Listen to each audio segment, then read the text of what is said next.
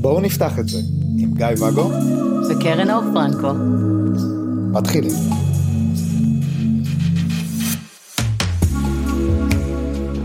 היי. שלום. הלו. אז uh, הגעתי לגיל שאפשר להתחיל. אתה מתחיל. דיברנו על זה שיש הרבה הרבה סיבות לפתיחה. זאת אומרת, יכול להיות שהגעתי לגיל של משבר 40, יכול להיות שמישהו קרוב אליי אה, נפטר ואני אומר אין חייבים למצות את החיים. יכול להיות כמו שקרה במקרה שלי שאני עבדתי בשעות של ארצות הברית והבת זוג שלי אז העבירה המון זמן ערבים לבד mm-hmm. והכירה מישהו ונוצרה שם אינטימיות והיא נורא רצתה לממש את האינטימיות הזאת לאו דווקא מינית mm-hmm. יש כאלה שזה דווקא הפן המיני זאת אומרת הרבה שנים ביחד או לא הרבה שנים ביחד ובא להם אה, מיניות מסוג אחר. להתנסות חוויות אה, לגוון, כן. you name it. ונתקלו בכתבות בטלוויזיה, בכתבות בעיתון, במקומות, שמעו מחברים. אולי זה משהו שהיה להם בראש מההתחלה ועדיין לא יישמו אותו אף פעם. כן, והם מתבשלים בזה וחושבים על זה ואפילו נכנסים לקבוצות קוראים קצת רואים שיש לזה צדדים חיוביים רואים שיש אנשים שחיים ככה וסבבה להם ורוצים להעלות את זה בפני בני הזוג. Mm-hmm. מישהו פעם אמר שמהשיחה הזאת אין דרך חזרה. יש בזה משהו. כי בעצם מהרגע שאתה אומר תקשיב בא לי עוד משהו. אתה בעצם אומר זה כבר לא מספיק. זה, זה הרושם שמתקבל בצד השני ב-99.99999999. אוקיי, כן. כן, 100 פעמים.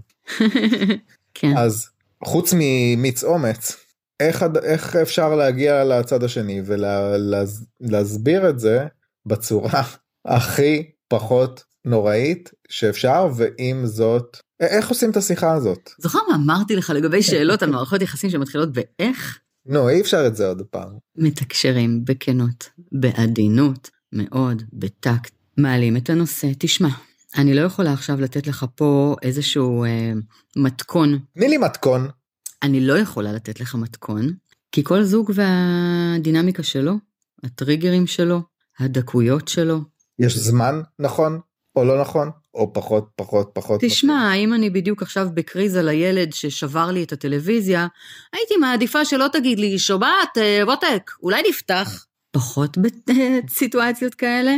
כן, לקחת איזשהו זמן ש, שיכול uh, להיות uh, ערב לשיחה שקטה, בלי הסחות דעת. אחלה לדעת דברים, אבל גם צריך לקחת בחשבון זאת אומרת, זה אחלה שיהיה לנו מידע מוקדם על הנושא הזה.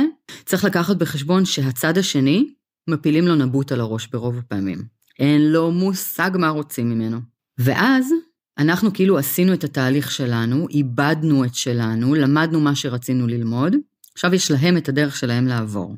צריך לאפשר להם את הדרך שלהם לעבור. שזה מאוד קשה, זאת אומרת, אם זה תיאורטי, mm-hmm. זאת אומרת הרצון תיאורטי אז נגיד אפשר לקחת קצת אה, פרק זמן ולמרות ששוב לפעמים אנשים מאוד מבושלים וכבר יודעים מה הם רוצים ורוצים אה, יאללה כאילו אז אחלה בוא בוא נתקדם. כאילו אופי שאתה לא יודע כלום על זה אני מחר יוצא לדייט אבל לא.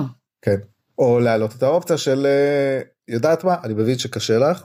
תקשיבי אני פשוט אה, היחס, היחסים שלנו הם של אה, כנות אז פשוט לא רציתי לעשות את זה מאחורי גב שלך אז עכשיו את יודעת אנחנו יכולים אה, לעשות מערכת יחסים של אה, don't ask don't tell זאת אומרת את עכשיו יודעת שאני יוצא ואם את מעדיפה לא לדעת אז פשוט אני לא אדבר על זה.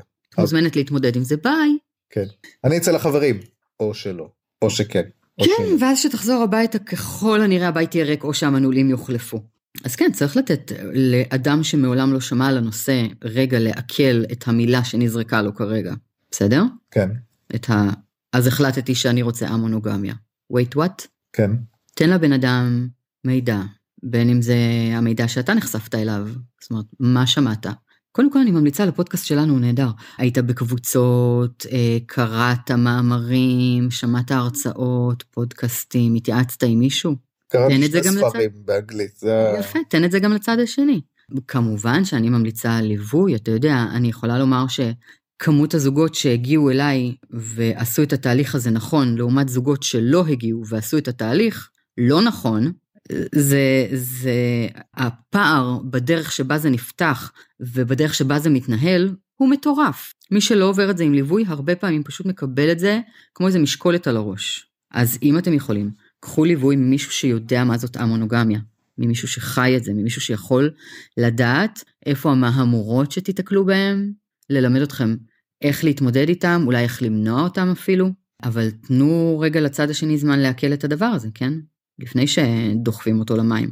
אוקיי, okay, שוב, אני אם אני חוזר לסיפור שלי, אז uh, היה את העניין הזה של לא בא לך מישהי אחרת, אמרתי שלא, הצד השני אמר אה, אני, אני כן רוצה, ו, וכן, היה לנו שיחות במשך חודשים ארוכים על מי מה מו ולנסות לראות איך חיים עם הדבר הזה, אני אמרתי כאילו שאני לא מצליח להבין איך אני אתמודד עם הקינה, איך אני אתמודד עם התחרותיות. נו, ותראה אותך היום, כן.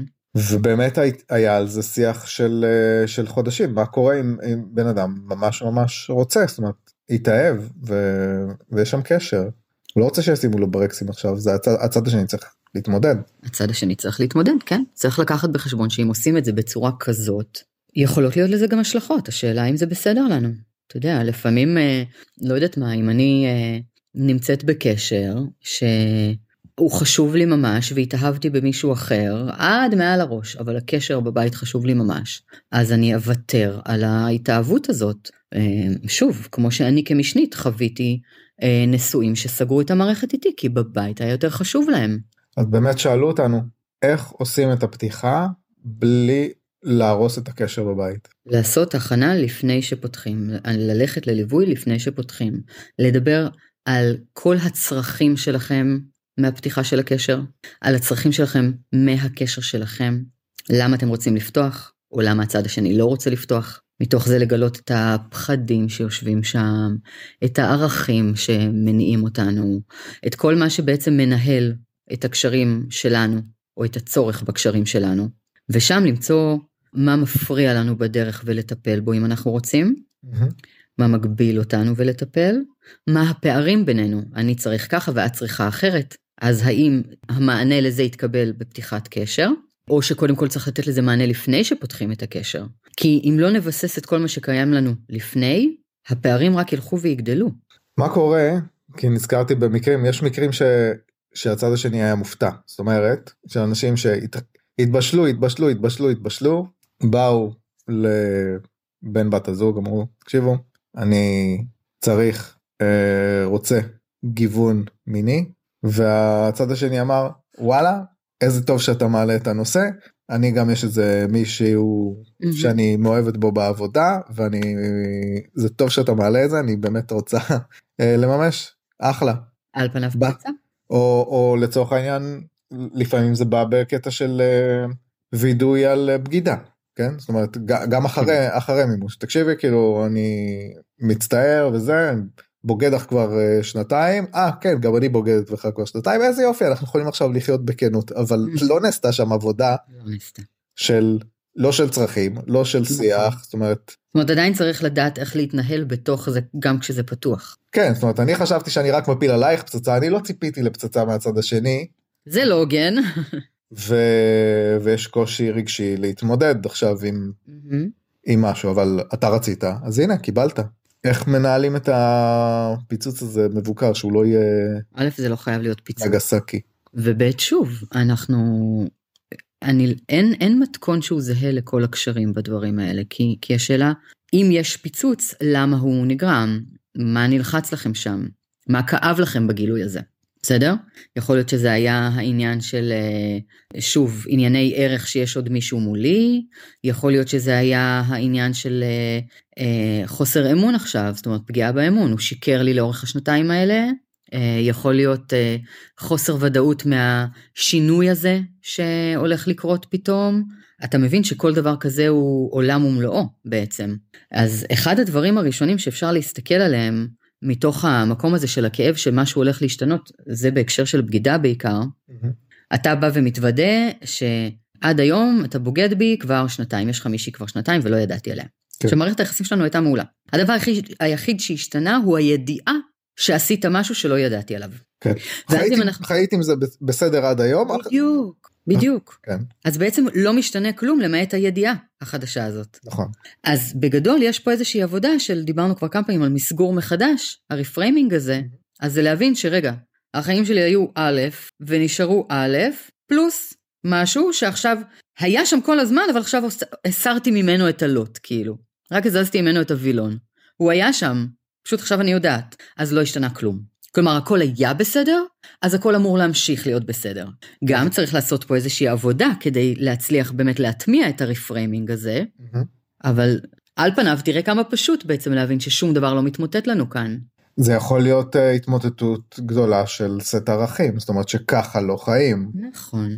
או לצורך העניין, שוב, צד אחד רוצה רק פתיחה מינית, כי מבחינתו רגש זה רק בזוגיות אחת mm-hmm. ואי אפשר לחלוק רגש בזוגיות אחרת וכן זה היה ממש בסדר אני עושה סקס מהצד mm-hmm. ואין לי בעיה שאת תעשי סקס מהצד.